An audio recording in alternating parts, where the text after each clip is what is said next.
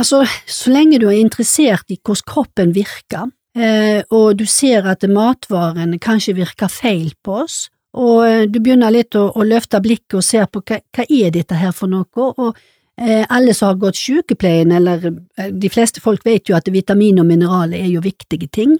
Eh, vi vet at fettsyre er viktige, vi vet at det er mange ting som er viktige, og så blir det liksom ikke tatt tak i det på rett måte, følte jeg. Men da forsto jeg jo da at eh, dette med næringsinnholdet i maten, hvor dårlig da i forhold til det som kroppen trenger, og kanskje òg den maten som vi blir anbefalt, er feil i forhold til det som har vært opprinnelsen av eh, kroppen, hvordan den fungerer og hva vi trenger av mat.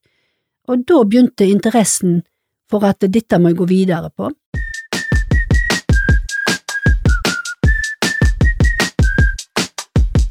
Da lytter du til Sunnhordlandpodden, en podkast der du får møte spennende personer med en eller annen tilknytning til regionen Sunnhordland.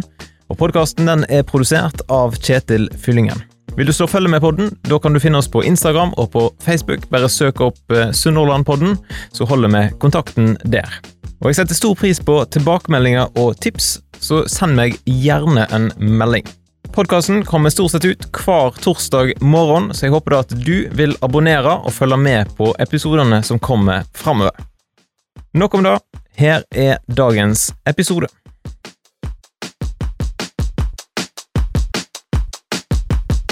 Det er veldig kjekt når folk sender inn tips om personer som de ønsker å få høre på her i podkasten, og en av de som jeg fikk eh, et tips om, da var deg, eh, Tove Riise Grastveit. Velkommen til Sunnhordlandpodden. Takk skal du ha, og takk for at jeg fikk komme. Veldig spennende. Ja, mhm. Personen som eh, kom med tips, hun sa at hun har aldri møtt noen som er så engasjert i andres ve og vel, og at du er et vandrende helseleksikon med hjerter stort nok for alle. Ja, jeg syns jo egentlig eh, noe av det var jo veldig, veldig eh, stort å si, dette med vandrende helseleksikon, men det er jo alt etter hva folk eh, føler jeg snakker om. Altså, for meg så blir det veldig naturlig å snakke om det, og dermed så blir det vel kanskje òg masse informasjon, jeg har mange meninger og ideer om ting, og har lang utdannelse i og har mye grubla på. Ja. Så eh, det var jo veldig spennende, jeg var jo ikke klar over at jeg eh, ble nominert, eller hva jeg skal si. Så jeg eh, ble jo litt satt ut, og måtte da høre mine Jeg hører du har meldt meg inn til et eller annet, jeg har fått en forespørsel. Å ja, gud, jeg glemte å si det til deg. Er det greit? Jeg tenkte det var bedre å få tilgivelse enn tillatelse. Ja, det er ofte, da. Ja.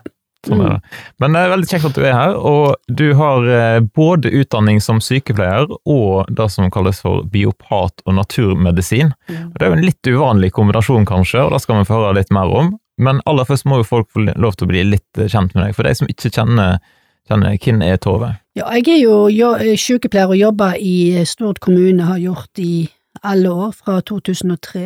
Jeg eh, er vel egentlig en anonym person sånn sett, utenom de som kjenner meg fra jobben. Jeg føler iallfall sånn sjøl, men eh, de som har kjent meg eh, opp gjennom tidene, de vet jo at jeg har vært opptatt av helsa og, og ve og vel til òg andre. Jeg er minst av seks søsken, og vokser opp i en heim der det har vært litt forskjellig, så jeg har eh, veldig mye med meg i bagasjen, i ryggsekken, så jeg egentlig ser på sjøl som et pluss, at jeg har eh, Jeg kan se ting på en litt annen måte, kanskje. Det har både vært alkoholisme og det har vært psykiatri i familien, men alle de som har slitt med alkohol og psykiatri, de er nå vekke. Så de har jo nok Én har jo valgt å gjøre det sjøl, som 37-åring, og nestemann fikk kreft, og den siste med psykiatrien, den døde helt ut av ingenting, nærmere 64 år gammel, det var søsteren min. Så jeg føler jo at eh, da å se på helsa, og se på de svake i samfunnet, at det er ikke De har ikke valgt det sjøl, det er blitt sånn, og det er det som har interessert meg òg mer og mer i forhold til dette med helsa, at vi har kanskje mulighet til å bygge opp helsa på en litt annen måte, hvis vi blir informert, hvis vi vet om hva som kan eh, ødelegge helsa vår, og da å klare å bygge den opp igjen med de rette tingene. Og um, jeg starta jo min karriere etter jeg hadde vært husmor i ti år, for jeg valgte å bli hjemme med ungene mine i ti år når jeg uh, fikk det. Da hadde jeg jobba på Aker, blant annet med far din, som jeg også sa. Uh, jeg var der fram til jeg fikk første ungen i 88, valgte da å være hjemme. Starta Hatland barnepark i den tida jeg var òg hjemme, for eh, jeg så, så, at det var en verdi i dette å få lov til å være hjemme med ungene og ikke nødvendigvis måtte gå ut. Så mine unger har aldri vært i en barnehage, de har vært hjemme med meg. Så kanskje de eh, mener ikke så bra, eller i dag så mener de jo da at eh, har du ikke vært i barnehagen, så er du jo ingenting, men jeg tror de har kommet veldig langt her i livet. Det har gått greit med de? Ja da, den ene er byggingeniør og den andre elektriker, og de har unger og de er gift og de Eller ikke gift, de er samboere, ja. Så de har det veldig greit. Men i den tida når jeg hadde vært husmor i ti år, så fant jeg ut jeg måtte ta et yrke, så da begynte jeg på hotell- og næringsmiddelfag i 98, og gikk inn i en vanlig klasse med bedre 16–17–18-åringer, men eh, jeg var 35. De godtok det veldig godt, og jeg trivdes i den klassen. Jeg ønsket å bli baker og konditor, bestefar min var visst òg eh, baker, så jeg tenkte kanskje jeg skulle gå den veien. Men jeg kom ikke inn på det, for jeg var jo utenfor reformen, så jeg var jo ikke reformelev. Så jeg kom inn på noe som heter industriell næringsmiddelproduksjon på Sandsli. Da flytta jeg til Bergen og bodde på hybel, mens eh, ungene mine da var ni og elleve år. Bodde der et år og gikk på skole, og trivdes jo utrolig godt med dette med næringsmiddelkjemi, dette med eh, industriell næringsmiddelproduksjon, hvordan de bygde opp maten, hva de eh, Tine Meieri, eh, Hansa, eh, Toro, alle disse store bedriftene var innom og så, og syntes jo dette var veldig interessant. Men det var veldig lite næringsmiddelproduksjon her på Stord, meieriet var jo lagt ned, så da måtte jeg ha reist vekk hvis jeg skulle blitt lærling, så da valgte jeg å ta allmenn påbygg istedenfor. Tok da, for, eh, og når jeg var ferdig med allmenn påbygg, så var det liksom nå var jeg jo egentlig klar for høgskole, nå var jeg kommet så langt i livet og hadde ikke gjort det før, så tenkte jeg da må jeg ta en høgskole, og på Stord så har vi Lærerhøgskolen og Sykepleierhøgskolen. Lærer kunne jeg blitt, men jeg ikke vel, var ikke så gira på å ha med alle foreldre å gjøre, for jeg hadde vært veldig mye foreldrerepresentant i den tida, og jeg så der det trengtes å følge opp ungene, der var det kanskje de som svikta mest. Eh, så da hadde jeg ikke lyst til, så da ble det sykepleierhøgskolen. Egentlig så var jeg ikke en sykepleier i bunn og grunn, for jeg var veldig svak for eh, blod og sånne ting, jeg tålte det lite. Og ei venninne av meg sa da at hva skal nå du på den skolen? Så, så da ikke tåler å se blod engang. Men eh, jeg hadde ikke noe valg, det var liksom det jeg måtte. Og jeg har stortrivst i yrket, jeg har vært med på hjernekirurgi, jeg har vært med på forskjellige ting, var, jeg var utvekslingsstudent nede i Portugal. Så jeg har liksom gjort alt det som ungdommene har gjort, jeg ble utvekslingsstudent i Portugal, jeg har reist vekk, jeg har vært med på ganske mye, og hatt mange spennende jobber. Jobba den tida i Stord kommune, tredje hver helg. Ehm, det var nå en reportasje i Sunnhordland for vi fikk jo ikke større stillingsprosent enn tredje hver helg den gangen. Men eh, jeg begynte fort på sykehuset, Stord sykehus. Jeg fikk meg en eh, nattstilling der og gikk over til dagstilling og jobba opp til 80–100% stilling, stortrivdes og jobba med folk og få lov til å hjelpe folk.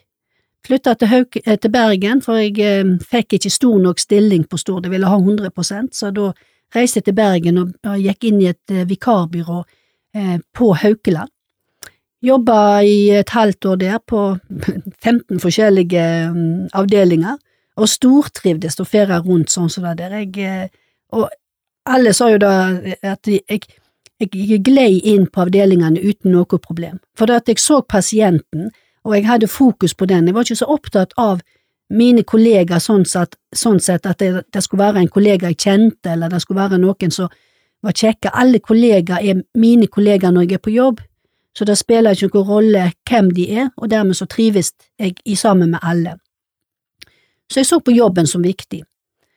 Eh, så var det jo å løfte blikket litt, og det var mye med kost og ernæring, og da så jeg jo for meg at dette å sette fokuset på diabetes, som òg var et stort økende problem, eh, så jeg hadde lyst til å gjøre noe med det. Så da kom jeg inn på, søkte på diabetesutdannelsen og kom inn der, og har tatt den òg. Ja, ferdig med det i 2011. Ja, 2011 var jeg ferdig som diabetessykepleier. Hva vil det si, altså diabetessykepleier? Jeg har jo aldri jobba som diabetessykepleier, for jeg har jobba i Stord kommune, og der har en ikke jobb, der, De bruker ikke diabetessykepleierne på den måten som jeg mener kommunen burde gjort. For det burde vært et lavterskeltilbud til de som sliter både med overvekt og sånne ting, som kanskje har noe med diabetes å gjøre, eller kanskje at de kan få type 2-diabetes etter hvert. Og jeg er veldig opptatt av at vi skal bremse ting, og vi skal forebygge ting, helt ifra mm, små unger og oppover. Jeg synes det, blir, det er ikke for seint å jobbe med det når sykdommen er kommet, men det er så mye bedre hvis vi hadde gjort det i forkant, for da hadde vi sluppet alle de unødvendige tingene med komplikasjonene som det har med diabetes. Men sånn har det aldri blitt, og da er jo litt med at uh, dette er ikke refundert i eh, kommunene sånn som det er på sykehus. Så alle diabetessykepleiere, som oftest alle diabetessykepleiere, de jobber på sykehus, innen helseforetak. Veldig lite oss fastleger òg, for eh, de er dyre å ha i forhold til andre, men jeg mener den kostnaden med å ha en skikkelig utdannet person på rett plass må jo være det beste i forhold til å ha noen som kan bare lese seg til ting og kanskje ikke hjelpe på den samme måten. Så da så jeg jo at eh, eh, dette med å ikke få hjelpe der, så så jeg jo òg at det kanskje det ble litt feil, for det at eh, en får ikke helt tak i dette her med diabetes, det er et økende stort problem, og hvor er det det svikter henne, hva er det som gjør at eh, en ikke klarer å ta seg inn? For hadde det vært så enkelt at vi skal ete rett, mosjonere godt nok, så hadde jo alle problemer vært løst. Men når ingen klarer det, så er det ikke så enkelt. Da er det noe mer som ligger der. Ja, for, for hva, jeg har ikke så veldig peiling på diabetes. Da. Jeg vet at det er en som heter type 1 og en som heter type 2. Hva, hva er det som vokser, på en måte? Er det type 2? Ja, det er type 2. Og hva Og er da er jo den, type 1 er jo den som de, som de sier de er født med, det er en autoimmun sykdom. Eh, Den utvikler seg veldig oftest når de er små, men den kan jo òg selvfølgelig komme når de er eldre, og voksne òg kan òg få det. Det er forskjellige typer av type 1. Men det betyr da at eh, bukspyttkjertel som produserer insulin, den slutter å produsere insulin. Og insulin er et eh, livsviktig hormon som vi trenger for å føre næringa inn i cellene, sånn at eh, uten insulin så vil ikke næringa, brennstoff, brennstoffet, vitamin og alt dette komme inn i cellene på samme måte, så insulin må de ha. Så de som er type 1, de er som regel sprøyte, eh, de er avhengig av insulin, enten om de bruker pumpe eller sprøyte eller hva det nå enn er. Og det må sette insulin i rett mengde for å få næringa inn i, eh, i cellene. Mens type 2, de har som regel en stor produksjon av insulin. Eh, De produserer insulin av en eller annen grunn. Eh, Mange av de som er, har type 2, har jo, er jo overvektige òg, så det kan være en av årsakene til at en får type 2. Dette med, med overvekt det er jo det de ser på òg.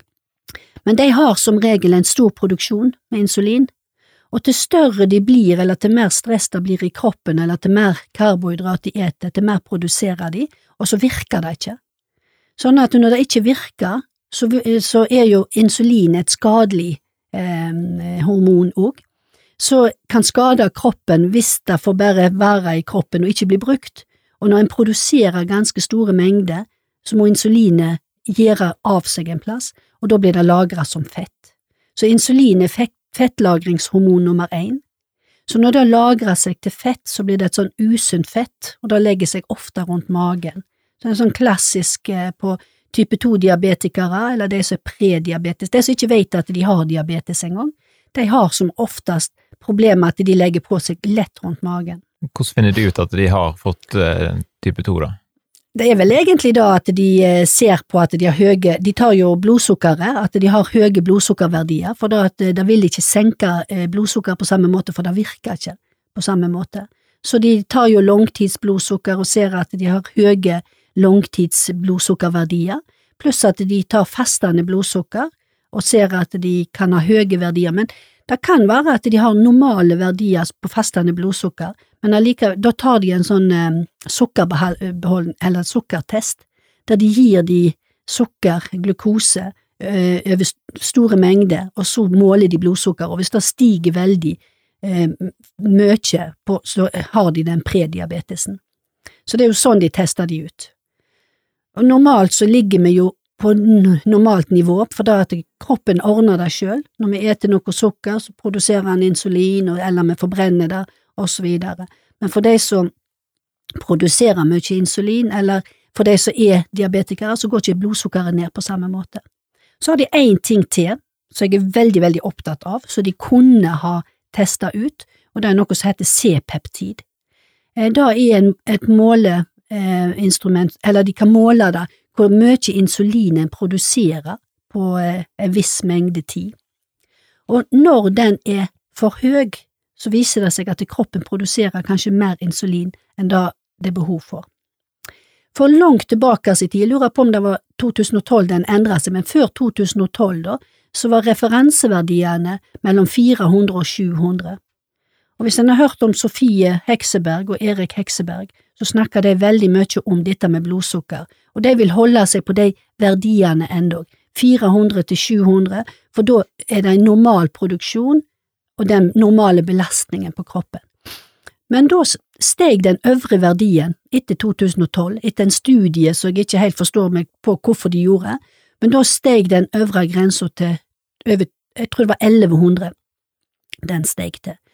Og nå når jeg har jobba litt med eurodietten, er innenfor Fedon Lindberg, så er jeg jo veldig opptatt av dette med diabetes og sånn, så har jeg jo sett på verdiene på enkelte kommuner og områder, at den kan gå helt opp til 2004 uten at en reagerer på det. Da har vedkommende problem med eh, overvekt, det er jo derfor han kommer for å prøve å gå ned i vekt med Fedon Lindberg sin eurodiett. Eh, en har kanskje andre helseproblem, en har mye smerte i kroppen, en har forskjellige ting, og at en ikke da reagerer på eller vil ta den C-peptiden, da forundrer meg stort. Eh, og det er mange leger, når jeg gir de arket, de som skal gå og måle seg på blodprøvene, så sier de at den C-peptiden vil de ikke ta. Noen sier det for det er en stor kostnad, men en større kostnad for den enkelte å ha problem, helseproblem, og for samfunnet òg, ikke minst. Jeg er veldig opptatt av at samfunnet skal òg spare penger og ikke bære den enkelte, for det er en stor kostnad med diabetes type 2, som er en livsstilssykdom. Så vi er tre personer som prøver å, å forske litt på dette her med denne C-peptiden. Og da er ei som heter Eva Svarverud, hun bor på Østlandet en plass, og ei som heter Oddveig Myhre, som har en doktorgrad i naturmedisin fra USA, og så er det meg. Men vi har måttet lagt det litt på is nå i denne koronatida, for da har vi ikke kontakt med folk, men vi ønsker jo veldig å komme i kontakt med folk som er overvektige, eh, har problemer med å legge på seg lett, så ikke får tatt den C-peptiden, eller om de får tatt den, om det blir gjort noe med det. For det er vel så viktig å gjøre noe med det, for eh, verdiene i seg sjøl har ikke noe, eh, noe, verdi for meg så lenge vi ikke får gjort noe med det. For da er det viktigste for meg at vedkommende skal få hjelp til helsa si. Mm. Så gikk du altså videre fra samt diabetessykepleier i 2011, og så gikk du videre på ganske mange forskjellige både kurs og utdanninger videre innenfor for det som en kanskje da kan kalle for naturmedisin eller naturterapi. Ja. Fortell litt om disse tingene her. Ja, da, altså, så lenge du er interessert i hvordan kroppen virker, eh, og du ser at matvarene kanskje virker feil på oss, og eh, du begynner litt å, å løfte blikket og ser på hva, hva er dette her for noe, og alle som har gått sykepleien, eller eh, de fleste folk vet jo at vitamin og mineraler er jo viktige ting. Eh, vi vet at fettsyre er viktige, vi vet at det er mange ting som er viktige, og så blir det liksom ikke tatt tak i det på rett måte, følte jeg. Så da eh, tok jeg først en kostveilederutdannelse, bare for å så eh, ja, gå litt videre i forhold til kosten, kanskje i forhold til diabetes, jeg har jo aldri jobba noe sånn veldig med det. Men da forsto jeg jo da at eh, dette med næringsinnholdet i maten, hvor dårlig da i forhold til det som kroppen trenger, og kanskje òg den maten som vi blir anbefalt, er feil i forhold til det som har vært opprinnelsen av eh, kroppen, hvordan den fungerer og hva vi trenger av mat, og da begynte interessen for at dette må jeg gå videre på, og da ble det noe som heter biopati, det er naturmedisin, men det kommer fra Tyskland, og det går faktisk er det den første godkjente fagskolen innenfor naturmedisin, så jeg har 120 studiepoeng innenfor dette her, så jeg heller ikke får brukt mer enn til hobby. ja. Men hva er det for noe, da? Biopati? Biopatien den går mer på hvordan eh, kroppen fungerer, i, eh, helt ifra opprinnelsen.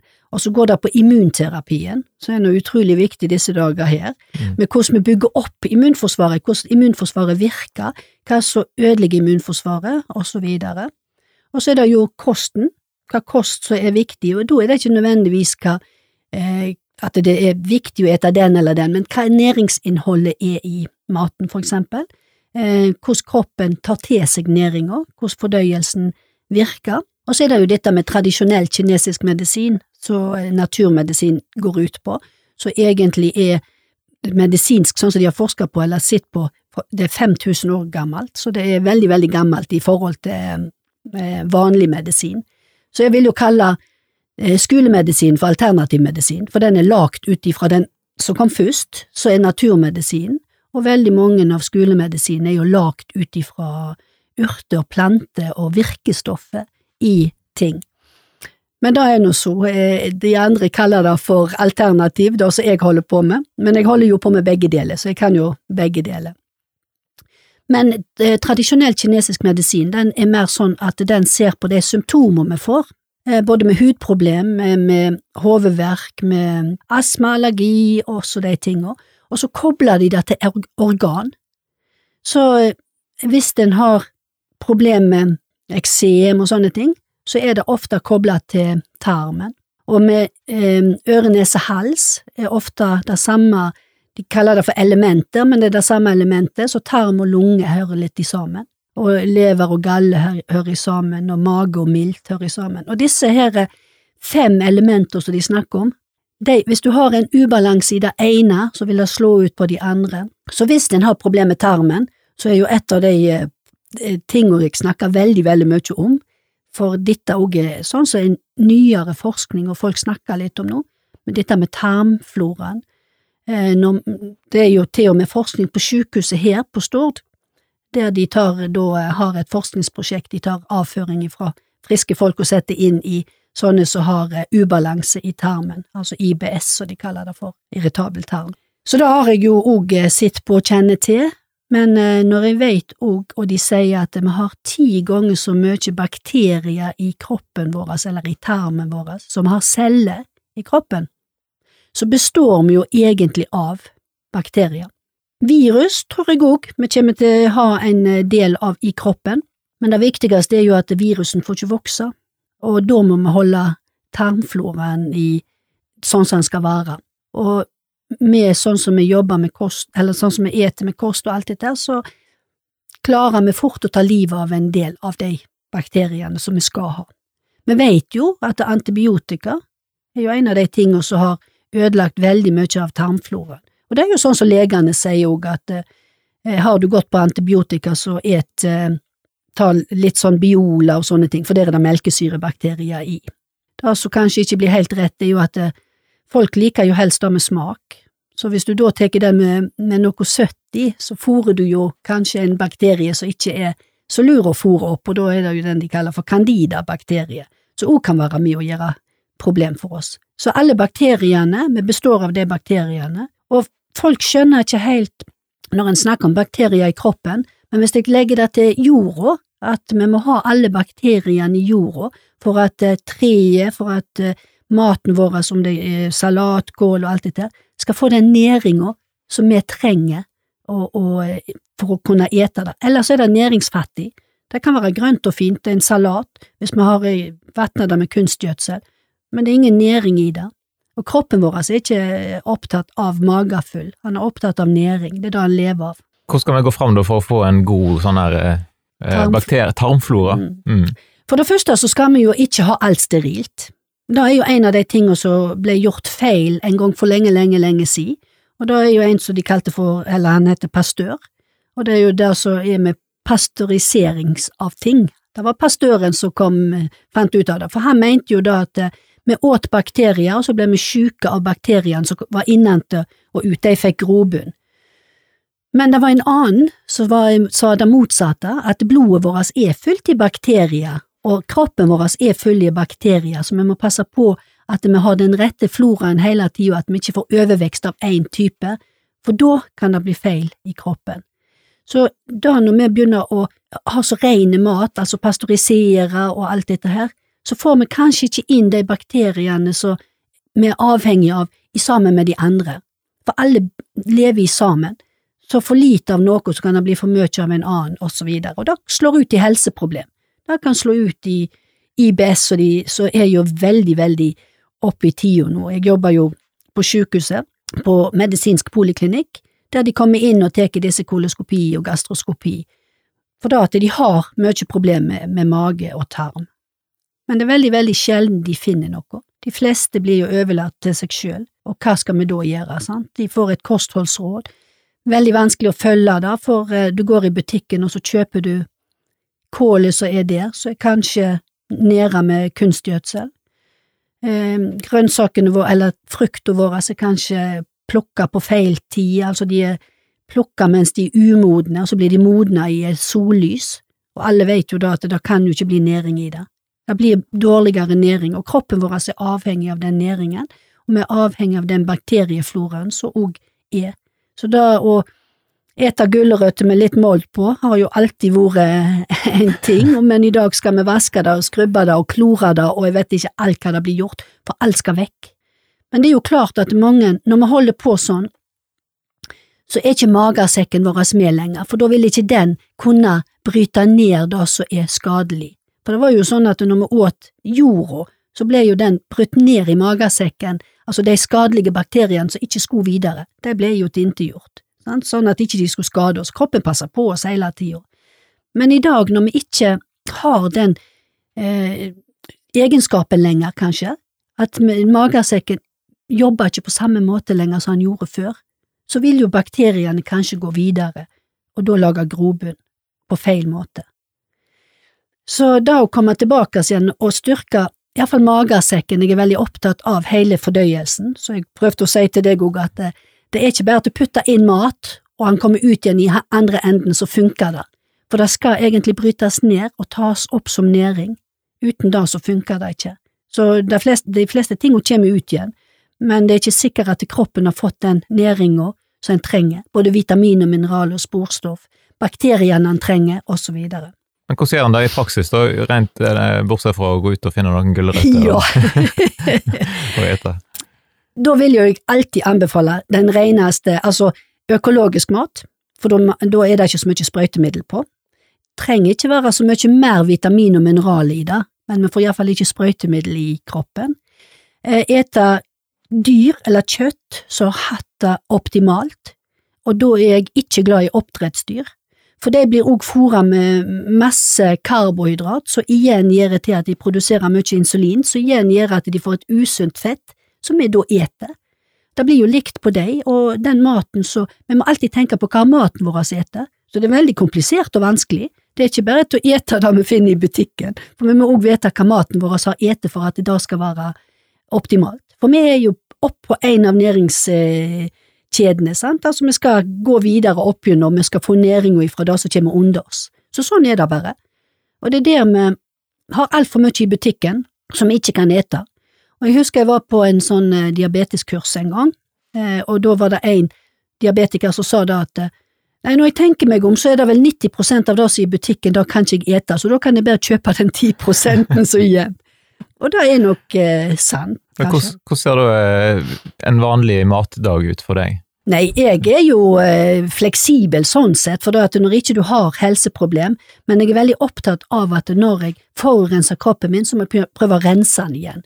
Så da bruker jeg jo en del urter og kan være hvitløk, oregano, altså det vi har i naturen. Det kan til og med være løvetann som går ute på bakken. Ja, det har vi ganske masse av. jeg. ja. Sønnen min sa en gang at bare slipper du ut på bakken, så kan du gå ut der og beite, så får du det du trenger. Ja.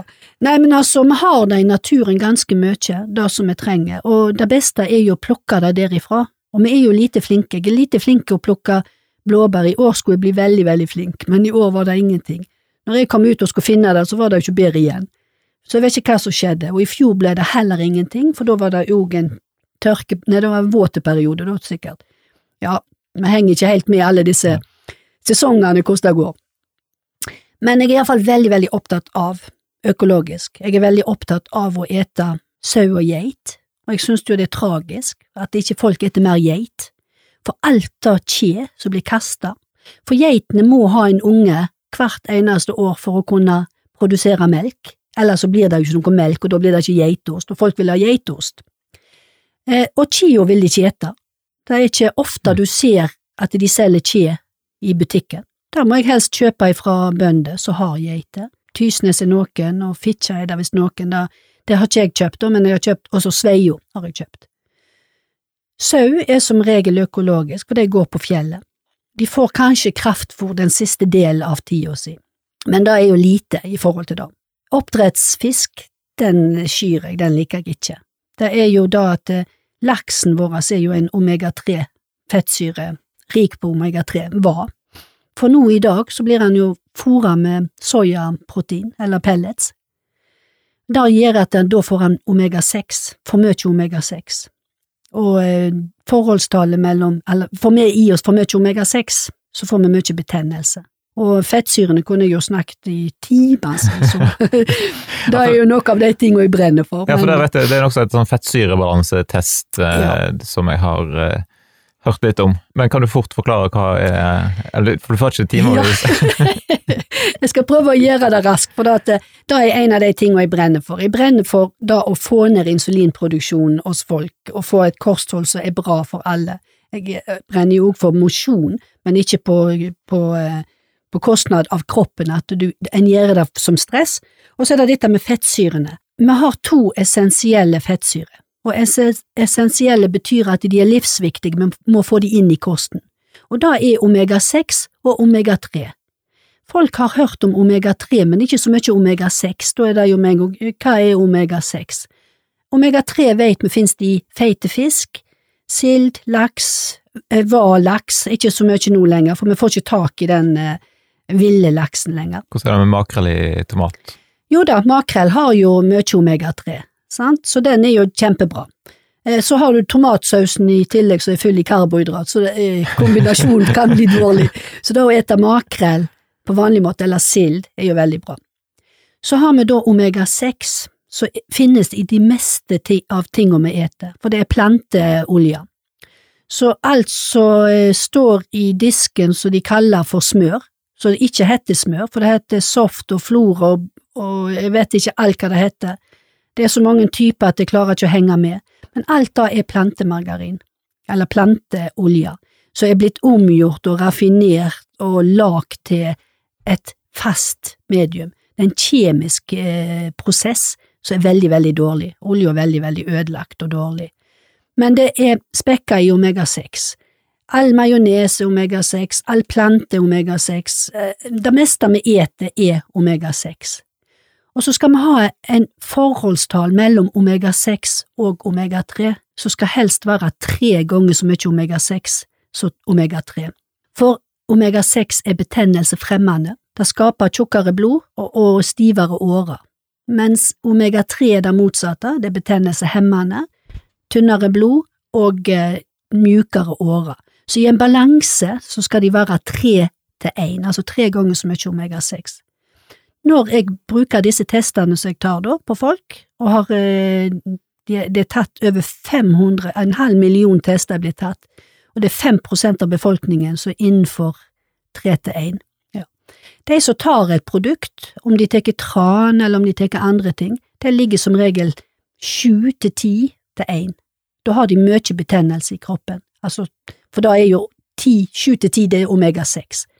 De som ikke tar noe ting, og unge folk, og til og med de som trener mye og et veldig, veldig sunt, kan ha 20 ganger så mye omega-6 i kroppen som omega-3. Det er veldig, veldig skadelig for cellene, og vi vet jo alle disse her foredragene som jeg har vært på nå, enten om det er på diabetessymposium eller om det er for hjertet eller hva det nå enn er, så sier legene nå at de fleste sykdommene våre kommer ifra inflammasjon eller betennelse i kroppen. Og når vi vet da at eh, omega-6 kan skape mye betennelse i kroppen, så mener jeg at det er en enkel måte å gjøre det på, det er å passe på at vi er i balanse med omega-3 og omega-6.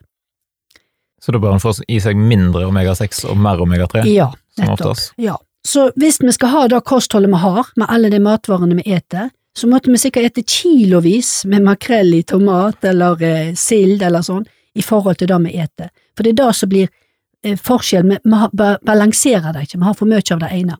Så enten må vi trekke ned det andre, og ikke ete så mye av eh, majones, eh, rekesalat, altså alle disse tingene som det er olje i, og, og ikke bruke disse soft soya og alt dette her, så trenger vi kanskje ikke ete så mye fisk. Vanlig smør ja, vanlig smør har jo ikke den omega-6, for da er jo smør så kun, det er kun ett smør, og det er det som står smør på. Det kommer rett ifra meieriet. Det ble jo eh, fra fløyten. Sant? De fleste har jo vært med på skolen og piska fløyten om til smør. Så da er den prosessen som er. Du pisker fløyten om til smør og tilsetter litt salt. Det er hele prosessen. Men den andre, med eh, margarin, det er jo et flytende middel som må hydrogeneres, altså det må tilføres hydrogen, for det mangler hydrogen når det er flytende. For metta fett har hydrogen på alle karbon, eh, karboner sine, mens eh, flytende, altså enometer og flerometer fett, mangler hydrogen. Og da må det hydrogeneres, det må eh, kjemisk framstille hydrogen, så det må presses inn, og den den må varmes opp til 200 grader, sier de, altså det er en eh, skikkelig eh, kjemi for å få dette til. Og når produktet er ferdig, så kan du lese bak på pakningen at de har tilsatt både smak og farge. Så jeg våger ikke å tenke på hvordan det smakte og hvordan det så ut før de har gjort det. Eh, men hvis du skulle si, hva er det viktigste du da har lært, for du har tatt både sant, skolemedisin og det som du kan kalle alternativ medisin, eller eh, så kan du velge hva som er hva eventuelt, men, eh, men hva vil du si er det viktigste du har lært? Jeg er jo veldig glad for at jeg tok dette med skolemedisin, eller ikke skolemedisin, men altså tok innenfor sykepleien, for da lærte jeg kroppen. Sant? Da lærte jeg hvordan den funker, anatomi og fysiologi.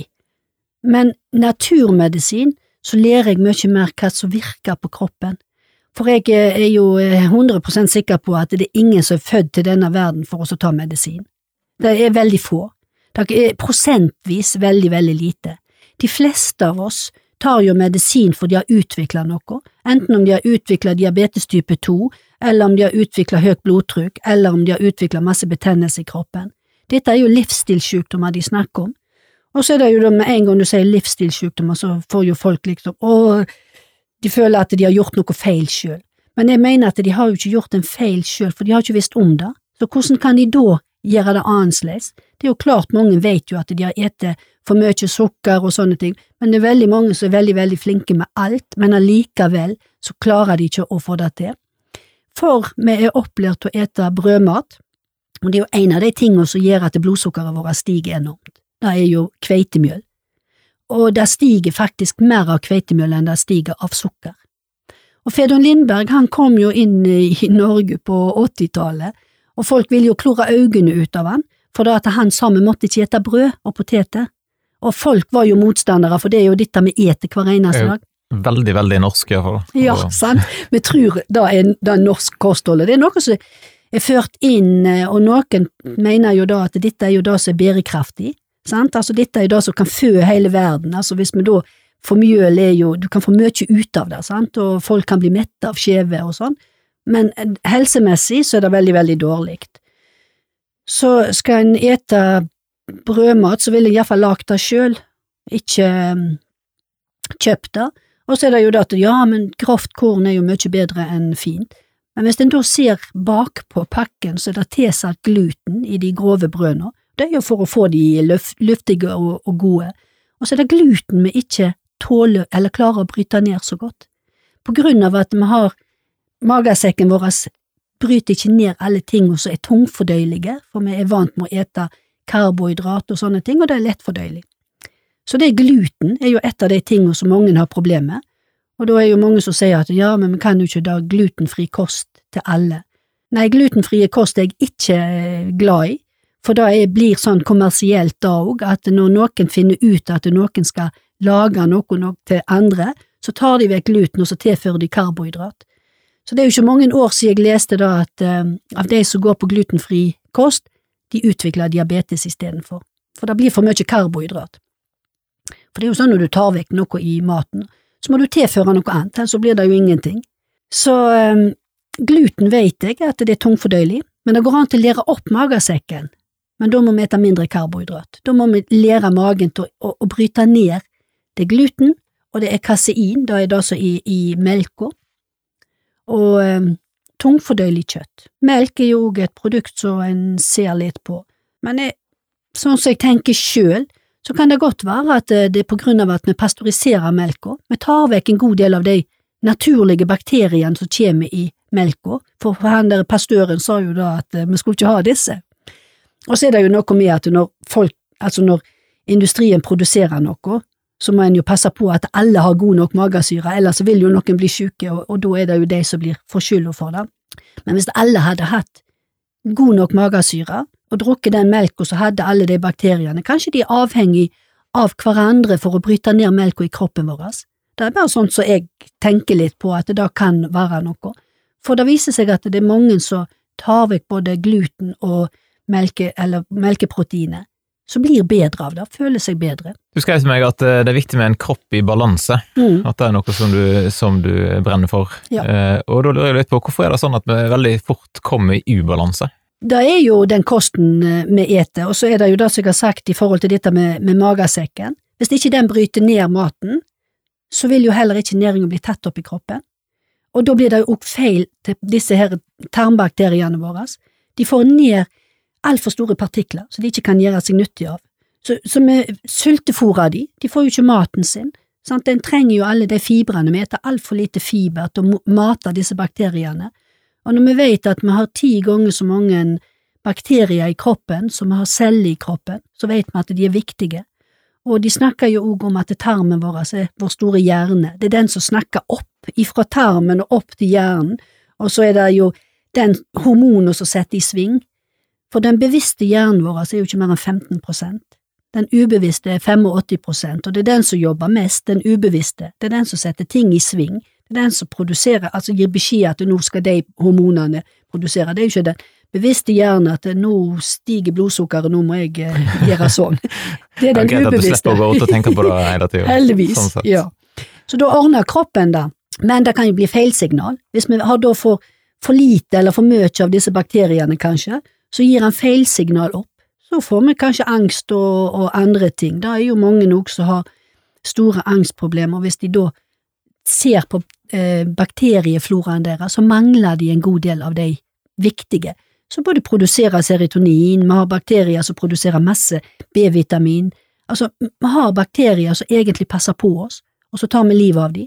Så det er ikke så veldig lurt, og det er ikke så godt å unngå å ta livet av dem hvis vi skal leve på denne måten vi gjør med den maten som blir fort produsert. Eh, råvarene blir eh, hurtigvoksende. Hvis en tar en kylling som er full i veksthormon, for han skal bli fort ferdig. For det er jo vi forbrukere som egentlig stiller kravene, for vi vil ha det billig, vi vil ha det hele året, og vi vil ha nok mengde. Vi blir sure hvis vi kommer til butikken og ser at de mangler kylling dag etter dag etter dag, for vi må vente at han har vokst seg store før vi kan få han. Vi vil ha en der og da. Så jeg tror vi må tenke litt annerledes, og jeg hadde jo håp på i denne koronatida, eh, når den setter inn, at nå skulle folk begynne å se på kostholdet sitt. Nå skulle de virkelig få tid, for nå ble vi jo sett litt tilbake igjen. Så nå skulle vi se på kostholdet vårt, vi skulle kanskje bruke skikkelige råvarer og ja, se på dette. Og hva skjedde? Smågodtsalget gikk iallfall opp. Ja, pizzasalget gikk opp, smågodtsalget gikk opp, for nå skal alle sitte hjemme og kose seg. Så det slo litt feil, det som jeg hadde tenkt. Ja. Eh, det som har vært bra for enkelte, er jo kanskje samholdet, at de har fått litt mer familiesamhold, men samtidig så har det jo òg gått utover mange familier, at de har faktisk hatt det mye verre. Det, det har, skilsmissen kommer òg til å gå opp i dette, for det at det ble for tett. Ungene har gått for lut og kaldt vann og har fått dårlig mat. For maten er faktisk det viktigste vi har til å nære oss, det er ikke bare magefull. Men vi skal kose oss òg, eh, men det må vi gjøre bare av og til, sånn som på lørdagen som vi gjorde før. Og så er det noen som sier jeg må leve mens jeg lever. Da vil jo jeg si hvis, det, hvis jeg får lov til å velge når jeg skal dø, så kan jeg leve mens jeg lever, for med en gang jeg får for mange skavanker, så vil jeg helst vekk. Jeg vil ikke ha for mange skavanker. Jeg har jobba for mye med folk som har mange skavanker, og da, har jeg ikke lyst til. Og det kan være på grunn av altså livsstilssykdommer som gjør det.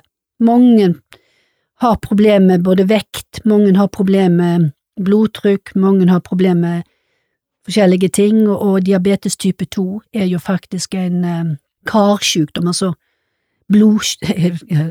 Ikke hjerte og kar, men kar er jo blodårene, sant? så allerede da har de fått noe der som kan lett bli hjerte og kar, og de er jo utsatt for veldig mange ting, de som har diabetes type 2. Og veldig mange som har diabetes type 2, de har jo dette som de kaller for metabolsk syndrom, som de òg snakker mye om, og det er bare en samlebetegnelse på høyt blodtrykk, høyt kolesterol, eh, overvekt, diabetes og for stort livmål. Og der er det mange folk som er. Og um, jeg så vel en studie at um, 60% av befolkningen er overvektige, og de fleste har det jo på en sånn usunt fett, altså du kan godt være stor og kraftig hvis en har det over hele kroppen, men det når det setter seg på feil plass, så blir det en belastning for kroppen. Og det å trene kan òg være en belastning for kroppen hvis en gjør det feil. Det å tenke på at du skal trene for mye kan òg være en belastning for kroppen, for, den, for jeg er veldig opptatt av den psykiske delen òg, at vi må òg ha tankene med oss. Vi må se på helheten, det er det jeg snakker om helheten at en kan ikke bare tenke kosthold og tro at da har en redda seg. En kan ikke bare tenke trening og tro at en har redda seg. En, en, må balansere med alt. En må kjenne på kroppen med en gang en får smerte, vondt, hudproblem, astma, allergi, hva det nå enn er, så er det et tegn på at det er noe som er galt innent og ut, og det er da tradisjonell kinesisk medisin snakker om. Da ser de på organer, og de jobber med organer, altså er det noe i forhold til hodeverk, i forhold til um, epilepsi, mange andre ting. Altså, det kan jo være en skade. Sant? Da, jeg snakker ikke om når, når kroppen har blitt skada, eller at det er et eller annet sånn som er medfødt, men en helt vanlig kropp. Da kan det være leveren som er belasta.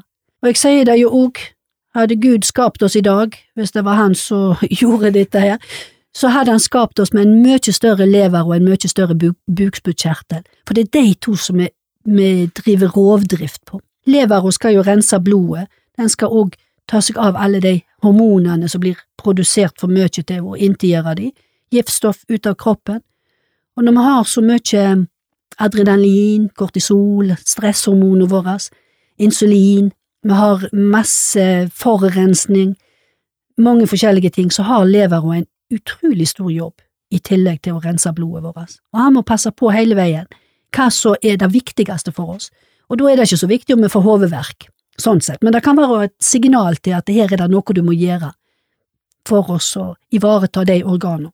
Så det er sånn de ser på det, kineserne ser på det sånn, og indisk eh, ayurvedisk medisin er jo òg på en måte det samme, at de bruker veldig mye urter og, og det vi har i naturen. Hva er dine topp eh, fem favoritturter? Nei, altså, oregano er jo en av de som er veldig eh, betennelsesdempende, eller rensende for eh, virus og bakterier, så i, i, dagens tid så burde vi kanskje bruke mer av det. Og da er jo eteriske oljer bruker jeg en del av, og da er, jeg bruker de som er rene, de som jeg kan ta innvortes òg, og ikke bare sånne som jeg kan smøre på huden. Det er godt da òg. Og så har du ingefær, som er jo veldig betennelsesdempende. Hvitløk er betennelsesdempende. Da har du oregano, ingefær, hvitløk. Um, eh, koriander er et av de som er veldig bra. Og så er det et som ikke er urte, da, men det er søl, altså det er tang og tare. Så mm. er vikingens urt, som de brukte. så er òg med på å dra ut giftstoff av kroppen. For giftstoff det har vi, får vi i oss på mange måter, men vi kan òg få det eh, Vi kan være født med giftstoff, for vi har fått det fra foreldrene våre. Sånn at da å rense kroppen innimellom for oss å ivareta den på den måten, så kan vi forurense den litt, for kroppen klarer å balansere hvis vi gjør de rette tingene. Men hvis vi bare forurenser og forurenser og forurenser, aldri renser den opp igjen, da kollapser den til slutt. Ja, Spiser du masse tang og tare? Nei, jeg spiser ikke mye av det, jeg burde ete mye mer, en, for det er mye jod i det, og vi mangler jo en del jod, og vi mangler jo mye sink, vi mangler veldig mye vitamin og mineraler i kroppen. Men jeg prøver jo innimellom å kjøpe eh, det som heter søl, eller andre typer tang og tare. Hvorfor har du kjøpt det? Nei, det er jo noen på Sotra som eh, driver og selger. Jeg, eh, jeg, husker ikke hva de heter nå, men eh, de florerer nå på Facebook, der du kan kjøpe det som krydder. Så det er henta opp, tørka, og så eh, som krydder. Og så kjøper jeg fra noen eh, Nordic Ocean eller et eller annet sånt.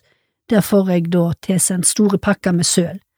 Så jeg eh, moser opp og har oppi en smoothie, for eksempel. Veldig dårlig merkenavn, egentlig. Søl. Ja, ja, det er veldig dårlig. Men det er én type, du kan jo gå ut i sjøen og så hente det sjøl. Eh, søl er visst veldig vanskelig å få tak i, for det, det er mindre av det, men du har jo sånn blæretare, og du har jo alle disse andre taretypene som er enkle å få tak i, men som en passer på å ikke ha de der som det forurenser med ferje og sånt, og båter. Så jeg var en gang på Ryvarden og hadde kurs i dette med tang og tare, og det smakte fantastisk. Da gikk jeg hjem og så tok jeg og disse blæretare, de der små blærene, kløpte de opp og, og freste de litt i ei panne, og så tørka de og åt de som snacks. Mm. Så det er mye, mye mat i naturen som vi burde vært mye flinkere å brukt ja. enn det vi gjør. Det er et relativt stort uh, matfat der ute, da, Ja, så en kan jo bare springe ut og forsyne seg. Men dere driver jo òg uh, det som en kaller for Stord helhetssenter, Ja. stemmer ikke det? Jeg leste jo Stord helsesenter, var jo litt sånn smådyslektisk. Ja, men uh, helhetssenter, hva er det for noe? Helhetssenteret er jo, vi kalte det ikke helhetssenter i starten, jeg har jo mitt eget firma som jeg kaller for kostendring. Det begynte med kostendring, og det henger bare der ennå, for det er ikke bare kost det handler om.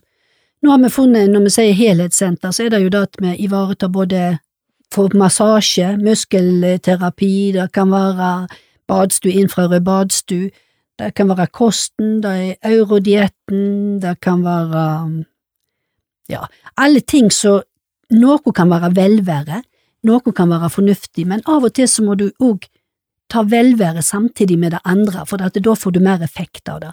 Hvis en bedre jobber med kost, så blir jo folk lei av det, men kan de da få en massasjebehandling i tillegg, så, så blir det mer ut av det. Men jeg er jo mest opptatt av informasjon. Å få ut informasjon, og få snakke om ting, og få sette søkelyset på hva som er bra og hva som ikke er bra. Eller, jeg er ikke så veldig opptatt av hva som ikke eh, er bra og hva en ikke skal gjøre, men noen ting er det som jeg er veldig, veldig nazi på, og det er jo dette med Pepsi Max og disse kunstige søtningsstoff. Det er noe som skader tarmfloraen vår veldig. Det er um, ikke bra i det hele tatt. Skal en drikke det, så må en drikke lite, men det viser seg jo at folk blir avhengig av det, og drikker kanskje halvannen liter til dagen. Det er ikke, ikke bra. En kan prøve også å ta det på blodmannene sine, og se hvor lenge de levde. og eh, tåler ikke blodmannene det, så tåler iallfall ikke vi det heller. Så det er noen ting jeg er nazi på, men jeg prøver jo hele tida å si at vi må ikke bare tenke på ting som er nazi, vi må prøve å integrere det i det daglige. Ta vekk ting og, tilføre ting. Og ta det gradvis, for skal en endre på noe, og hvis en endrer på alt eh, med en gang, så går en tilbake til det vante igjen. Så da en livsstilsendring er vi egentlig mest opptatt av, at vi får endre livsstil og på en måte så en kan eh, eh, leve med. Så jeg tenker hvis en skal trene, da er jo disse treningssentrene ikke enige med meg, for jeg sier da at skal du trene, så prøv å få inn én dag først.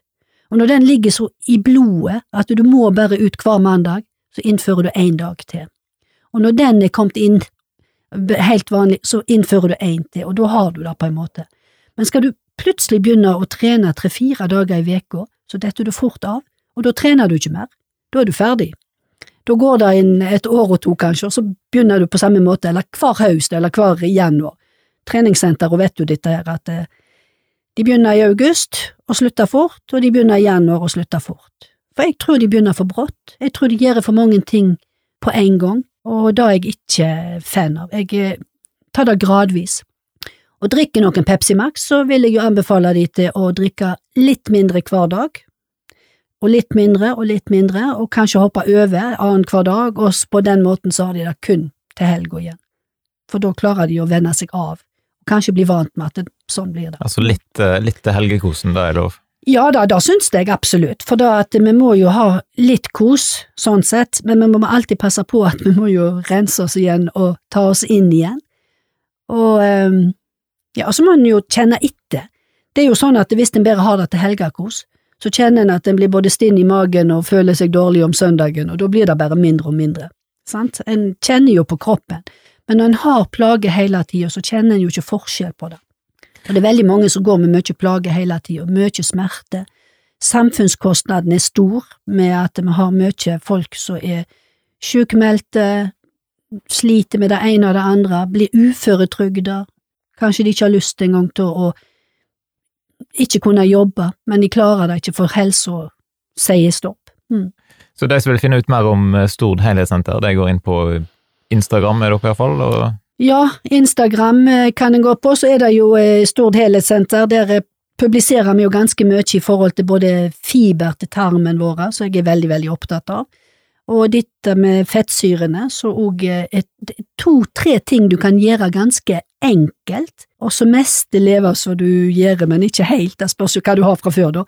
Men det er jo å mate tarmene med rett fiber, alle tar tarmbakteriene som eh, en har. Dette med fettsyrene, ta rette oljene, ta en fettsyretest, se hva en har, og så se om en kommer i balanse, for det er viktig å ta en test etter fire måneder for å se om du tar opp olje òg. Det er ikke vits i å ta i olje som bare blir verre i kroppen, for det må se at en kommer mer i balanse. Og så er det dette med vitamin og mineraler, at en får alle de rette, for det er faktisk sånn i dag at vi får det ikke gjennom maten. Du klarer det meste ikke om du dyrker sjøl engang, ja ja, kanskje du klarer det med, med at du bruker kompostjord og du gjør alt det rette, men eh, det skal veldig mye til for at vi skal få optimalt med vitamin og mineraler i maten, og da må vi kanskje ta det i et tilskudd, men ikke syntetiske og kjemiske tilskudd. Det må være naturlige, helst naturlige fra naturen der det er satt sammen på en god måte, og ikke i en kjemisk fabrikk.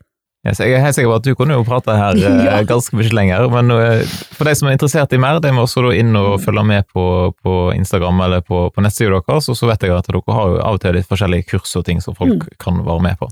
Masse, masse bra. Ja. Masse framgjennom, så det er bare til å henge med. Ja. Mm. Da sier vi tusen takk for at du var med i podkasten, og så ønsker vi lykke til videre. Takk for det. Da gjenstår det bare å si takk for at du lytter gjennom denne episoden av Sunnhordlandpodden. Og har du en tilbakemelding, eller ønsker du å være med i en episode, ja, eller kanskje du har lyst til å bli en støttespiller for eh, podkasten, da kan du gå inn på sunnhordlandpodden.no og ta kontakt via nettsida der. Da ønsker jeg deg en fin dag, og så poddes vi plutselig igjen.